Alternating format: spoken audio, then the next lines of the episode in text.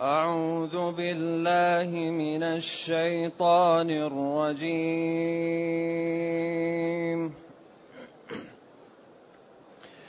بسم الله الرحمن الرحيم.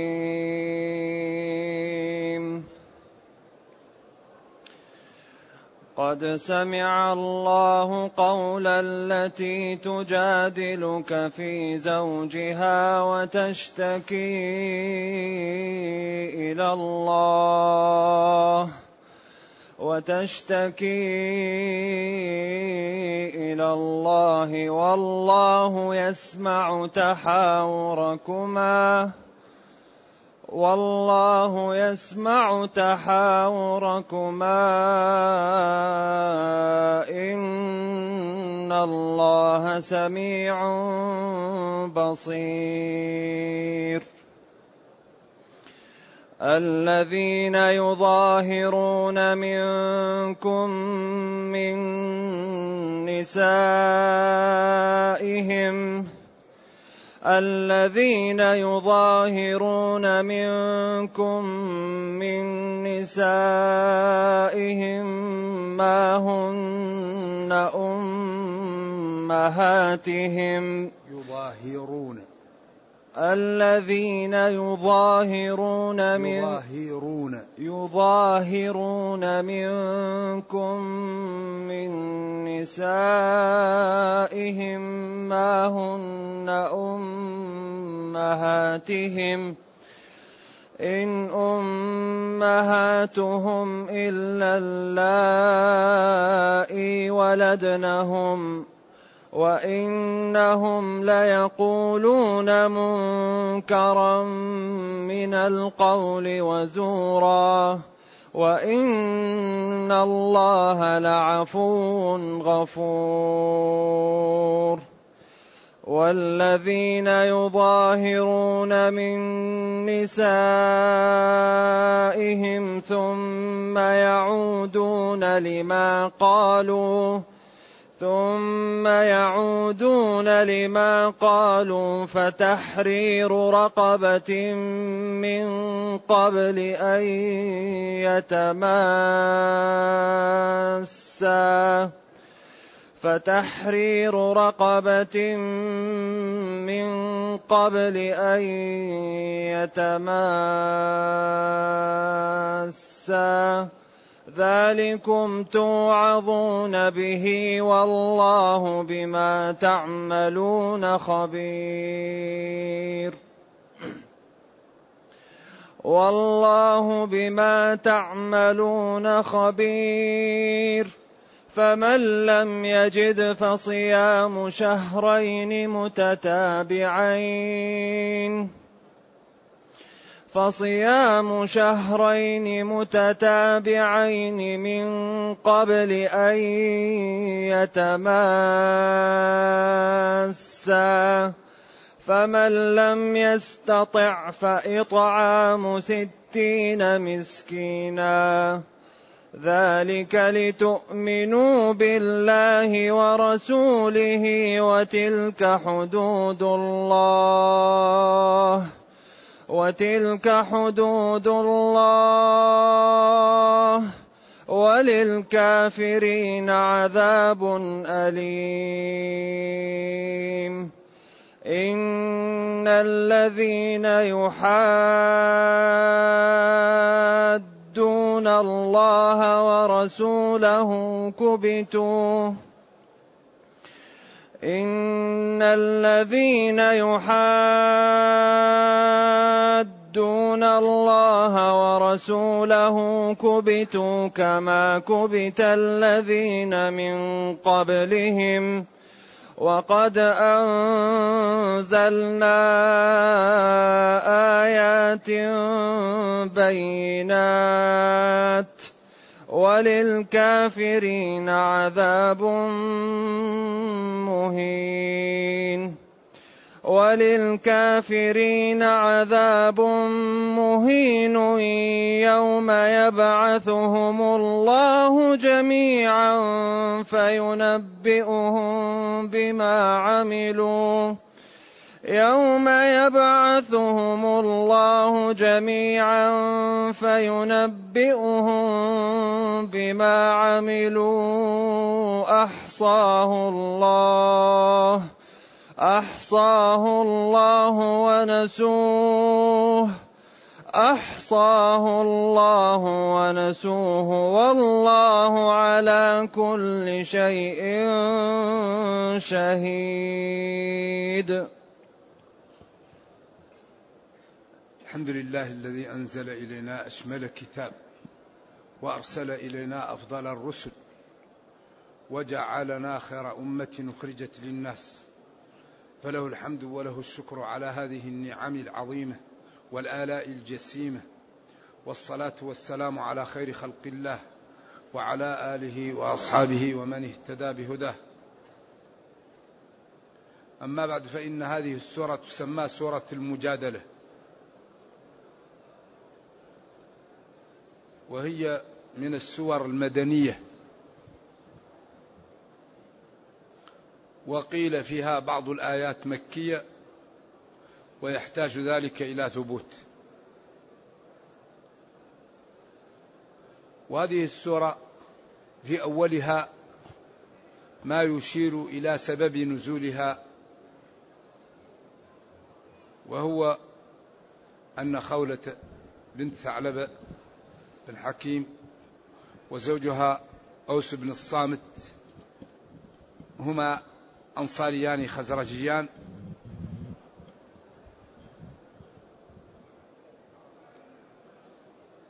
وقع بينهما خلاف. وأغلب هذه الروايات ما هي ثابتة التي وقعت بينهما. قيل إنه أرادها فامتنعت فغضب وقال لها أنت علي كظهر أمي. وقيل كان به بعض اللمم يأتيه بعض الحدة وقيل إنه وقع بينه وبينها بعض الكلام فظاهر منها وطلب منها فامتنعت وجاءت للنبي صلى الله عليه وسلم.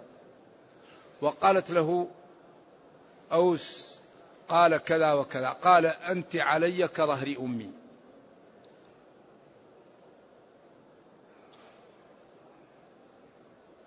فقال لها حرمت عليه.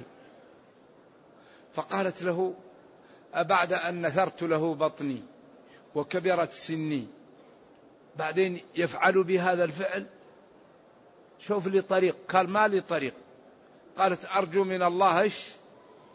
أن يفرج كربي. ولا زالت به. وكانت عائشة رضي الله عنها تعمل في رأس النبي صلى الله عليه وسلم تغسله أو ترجله.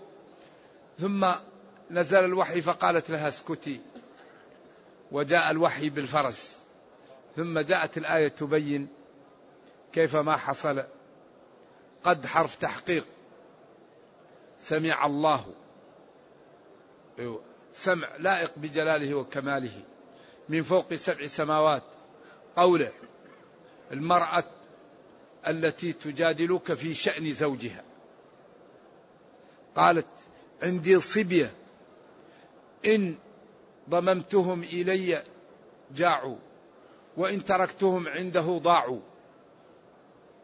شوف لي طريق. قال لا أرى إلا أنك حرمت عليه. وهي تعود وهو يقول لها وهي يعني تتضرع إلى الله. فجاء الفرج. فقال الله قد سمع الله. قالت عائشة إني لأسمع بعض الكلمات وتخفى علي بعض الكلمات. أسمع بعض الجمل وتغيب عني بعض الجمل. والله من فوق سبع سماوات سمع كلامها وفرج كربها. قد سمع الله جل وعلا قوله التي تجادلك التعبير بالموصول يدل على الفسحة لأن الموصول لا بد له من صلة والصلة هذه تعطيها التي تجادلك والصلة تجادلك. فكلامها معه ورد عليه هو الجدال في هذا. قولها له عندي صبية إن تركتهم. عندي جاعوا وإن ذهبوا ضاعوا ونثر بطني وكبرت سني. ما لا أفعل؟ هو يقول لها لا أراك إلا حرمت عليه لأن هذا كان في الجاهلية تأبيد التحريم. والإسلام جاء يقر ما كان موجود إلا إذا رفعته الأحكام الشرعية. ولذلك قال كل ربا من ربا الجاهلية تحت قدمي ورفع التبني وما جعل وقال لا ادعوهم لآبائهم هو أقسط عند الله فإن لم تعلموا آباءهم فإخوانكم في الدين. ونهى عن كثير من الأشياء وأقر من الأمور التي أقرها العرايا والمضاربة. المضاربة بيع غرر لكن الشرع باحه أن تعطي لرجل مالا وتقول له اتجر بهذا ولك نصف ربحه أو ربعه. هذا عين الغرر لكن الغرر من الجهتين. قد يخسر المال لكن هو لا شيء عليه. وقد يربح فيكون له شيء من من الربح. فالخسارة ما هي في جهة واحدة بخلاف الربا. فإن جهة تربح وجهة تخسر. لذلك لم يحل الإسلام أن تكون الخسارة من جهة واحدة لا. ففي بعض المسائل كانت في الجاهلية أقرها الإسلام وفي بعض المسائل رفعها. إذا يقول جل وعلا قد سمع الله قول التي تجادلك في زوجها. قول المرأة وهي خولة قيل خولة وقويل خويلية وقيل جميلة ولكن الأغلب أنها خولة وهذا الذي جاء به المصحف هذا الميسر وهو عمل متقن لأن اشتركت فيه لجنة ولجنة بعد لجنة ويمتاز بسلامة المعتقد فيما فيه فهو وإن كان الكلام فيه قليل لكنه مفيد جدا التفسير الميسر. هذا الذي عمل في المجمع هو يعني بذل فيه مجهود كبير ورعيت فيه السلامة وبالأخص في جانب المعتقد. فهم صرحوا أنها خولة وأنه حكيم أنه أوس بن بن الصامت. نعم أخو عبادة. قول التي تجادلك في زوجها أي تحاورك فيه وترد معك الكلام هذا هو الجدال فيه. وتشتكي إلى الله في قولها ما لا أفعل. أريد المخرج. عندي صبية أحتاج كبيرة. والله يسمع تحاوركما. قولها له وقوله لها صلى الله عليه وسلم. إن الله سميع لأقوالكم بصير بنياتكم. إذا أين المهرب؟ إن الله سميع بصير. أين المهرب؟ هذه المرأة تتكلم سمع الله قولها وفرج عنها. ونبينا صلى الله عليه وسلم يقول لا أرى إلا أنك حرمت حتى جاء الوحي ورفع ما كان في الجاهلية. سميع لأقوالكم بصير بنياتكم.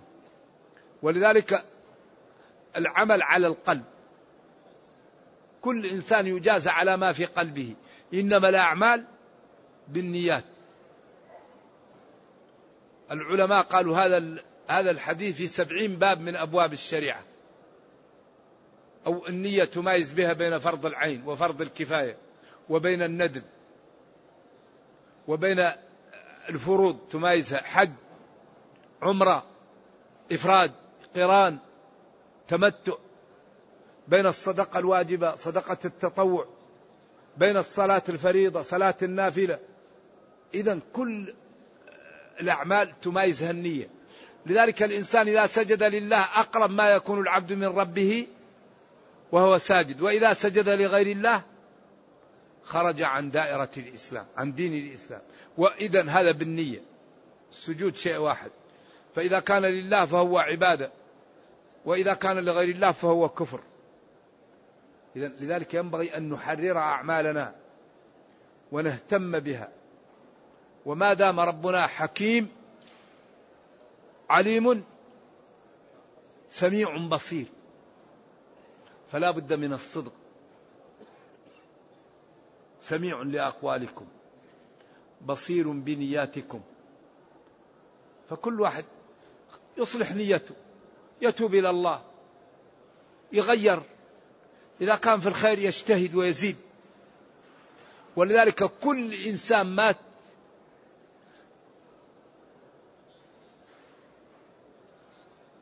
يتمنى يرجع للدنيا ليزيد حسناته. إذا كان عنده حسنات يريد يزيدها وإذا كان ما عنده حسنات يريد أن يعمل حسنات. لما يرى من أثر الأعمال الخير في, في يوم القيامة. الذين يظاهرون الذين يظاهرون الذين يظهرون. يظاهرون يظهرون يظاهرون وكل المعنى واحد. هو الذي يقول أنت علي كظهر أمي. يقول لزوجه أنت علي كظهر أمي. هذا بالإجماع إظهار لكن إذا قال أنت علي حرام. أو قال أنت علي كأختي. أو كمحرمتي. أو كأم زوجي. أو بنت زوج ولدي. هذا فيه خلاف. لكن ما فيه خلاف أنت علي كظهر أمي. هذا قالوا ظهار. طيب إذا قال أنت علي حرام للعلماء في أكثر من ثلاثين عشرين قول. وأقوى الأقوال أنها كقوله أنت علي كظهر أمي. لأن أنت علي كظهر أمي هي أنت علي حرام. وإن اختلف العلماء فيها فهذا أقوى الأقوال. الذين يظاهرون من نسائهم. الذين يظاهرون منكم أي من المسلمين. ولذلك قالوا أهل الكتاب والكفار لا ظهار لهم. لقوله منكم أي من المسلمين. لأن ما في شيء ما في ذنب أكبر من الكفر. الذين يظاهرون منكم أيها المسلمون من نسائهم هنا مالك قال من نسائهم جعل السيد إذا ظاهر من أمته أنه يلزمه ظهار وإذا حرمها لا يلزمه شيء. قالوا كيف؟ والظهار كناية عن التحريم والتحريم صريح. قال لأن الله قال يظاهرون من نسائهم وأمة من نسائه منسوبة له. فأخذ بظاهر اللفظ والجمهور قالوا تحريم الأماء لغو لأنها أصلا مباحة لا تحرم بالتحريم. والذين يظاهرون من نسائهم منكم من نسائهم زوجاته. ثم يعودون لما قالوا. هنا بعدين قال ما هن أمهاتهم؟ ما هنا حجازية؟ عامله عمل ليس. هن اسمها أمهاتهم خبرها. إن أمهاتهم إلا اللائي ما أمهاتهم إلا من حصلت منهن الولادة. جاءت الولادة هم الأمهات. أما غيرهم فلا فلسن أمهات. وإنهم في قولهم أنت علي كظهر أمي ليقولون منكرا. يعني شيء لا يعرف. ومحرم. وزور كذب. المنكر الذي لا يعرف. والزور هو الكذب. إذا الذي يقول لزوجه أنت هي عليه كظهر أمه قال شيئا لا يعرف وقال كذبا. هي ليست إيش؟ بأمه. وإنهم ليقولون منكرا من القول وزورا. يقولون كذب ومنكر. وإن الله لعفو غفور. وإن الله تعالى كثير العفو عن خلقه غفور لهم. ما عملوا من السيئات إن تابوا وأقلعوا عن ذلك وندموا. ثم بين الحكم. قال والذين يظاهرون منكم أيها المسلمون والذين يظاهرون من نسائهم أي من زوجاتهم عند الجمهور وعند مالك من زوجاتهم أو إمائهم هذا انفرد به مالك. ثم يعودون لما قالوا للعلماء فيها ستة أقوال متقاربة. الظاهرية أغربوا وقالوا يكررون الظهار وإذا لم يكرروه لا يكون ظهار وهذا قول ضعيف جدا. ثم يعودون لما قالوا يعني يعودون للظهار مرة أخرى. أما الجمهور قالوا ثم يعودون لما قالوا يعودون للزوجة. إما بنية مسكها أو مما بإتيانها وإما بالعزم على إبقائها عندك. فالجميع قالوا إذا عاد لما يعودون لما قالوا وهو تزويجها وإتيانها إذا جاءها يلزم الظهار ولو طلقها. إن ظهر الرجل من أهله ثم جامعها لزمه الظهار ولو طلقها بعد ذلك. لأنه عاد إيش؟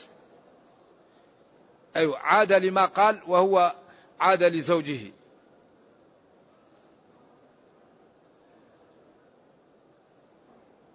وبعضهم قال إذا مسكها وتركها في البيت ولم يقل لها تذهب إلى بيتها يلزمه أن يظاهر.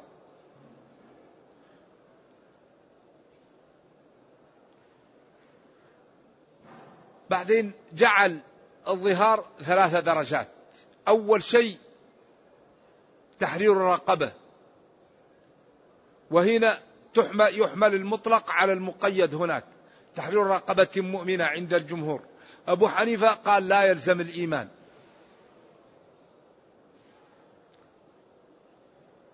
لأن السبب مختلف وإن كان الحكم سواء. فإن لم يجد أو لم يستطع ما عنده مال أو ما وجد رقبة يصوم شهرين متتابعين. من قبل أن يتماس. اختلفوا في التماس ما هو. فبعضهم قال أي مس لا يلمسها. وبعضهم قال يجوز له اللمس والتقبيل والمباشرة لكن لا يطأها إلا بعد إيش؟ أن يكفر. وبعضهم قال لا يقع بينهم خلطة حتى يكفر. والسبب الاشتراك الحاصل في المسيس. فمن العلماء من قال المسيس الجماع ومنهم من قال المسيس كل مس ومباشرة واستمتاع ولو دون الجماع. فمن لم يستطع ذلكم توعظون به. ذلكم الحكم توعظون به. أي تخوفون به وتنبهون به لتست لتنتبهوا ولا تفعلوا مثل هذا الفعل لحرمته وعدم إباحته. والله بما تعملون خبير. والله بالذي تعملونه أو بعملكم. ما مصدرية أو موصولية وهذا كثير. لا يخفى عليه. فهنيئا للمتقي الممتثل ويا ويح الكاذب المنافق المراوغ. فالجملة صالحة للترغيب وللتهديد وهذا من إعجاز القرآن. فمن لم يجد يعني فمن لم يستطع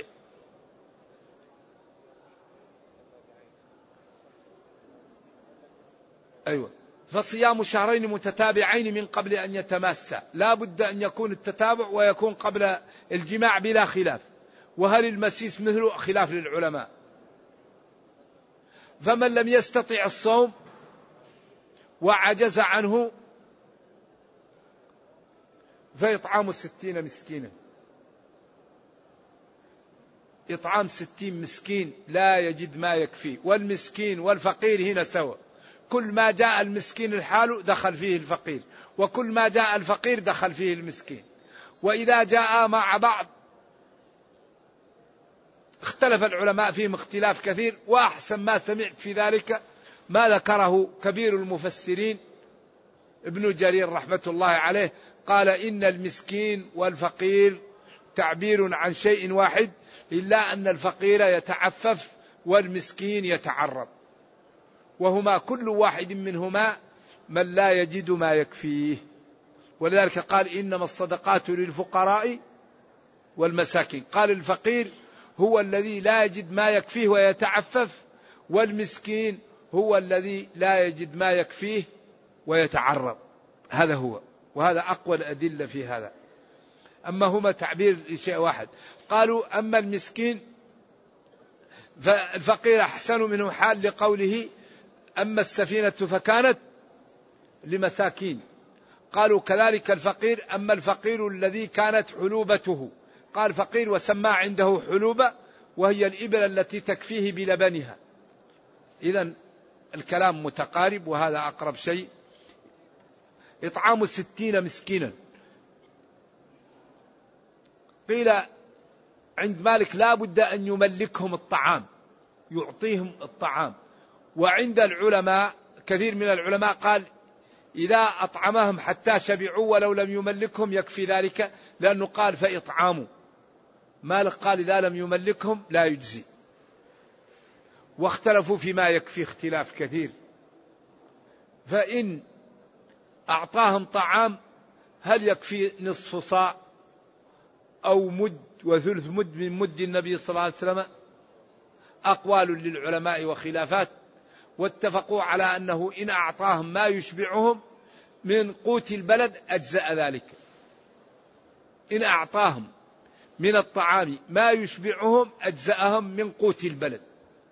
أما إذا غداهم وعشاهم وشبعوا الجمهور قالوا يجزي ومالك قال ينبغي أن يملكهم أن يملكهم ذلك حتى يكون لهم.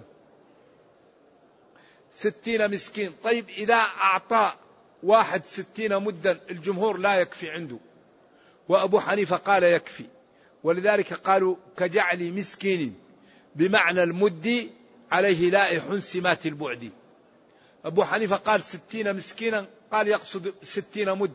ولذلك إذا أعطى ستين مدا لمسكين واحد عند أجزاء عند الإمام أبي حنيفة. والجمهور قال لا يطعم ستين مسكينا. كل واحد الخلاف فيما يطعمه. هل هو نصف صاع أو هو مد هشام وهو مد وثلث مد أو مدان؟ أقوال للعلماء. ذلك الذي شرع لكم لتعلموا جمال هذا الدين وحسنه وعدالته فتؤمنوا بهذا الدين وتمتثلوا ما جاءكم فيه.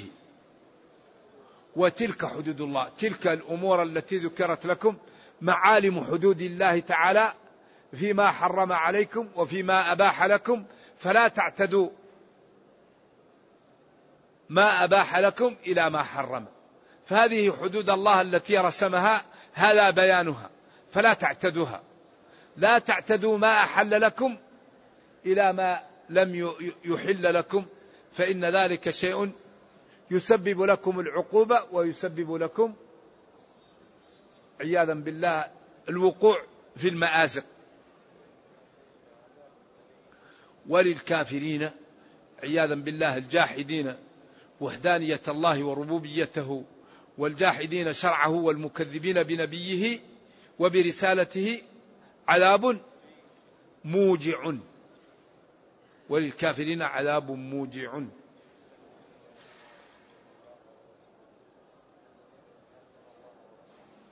بس نكتفي بهذا. عندك السيلة نرجو الله جل وعلا أن يرينا الحق حقا ويرزقنا اتباعه وأن يرينا الباطل باطلا ويرزقنا اجتنابه وأن لا يجعل الأمر ملتبسا علينا فنضل. اللهم ربنا أتنا في الدنيا حسنة وفي الآخرة حسنة وقنا عذاب النار. اللهم اختم بالسعادة آجالنا واقرم بالعافية غدونا وآصالنا واجعل إلى جنتك مصيرنا ومآلنا.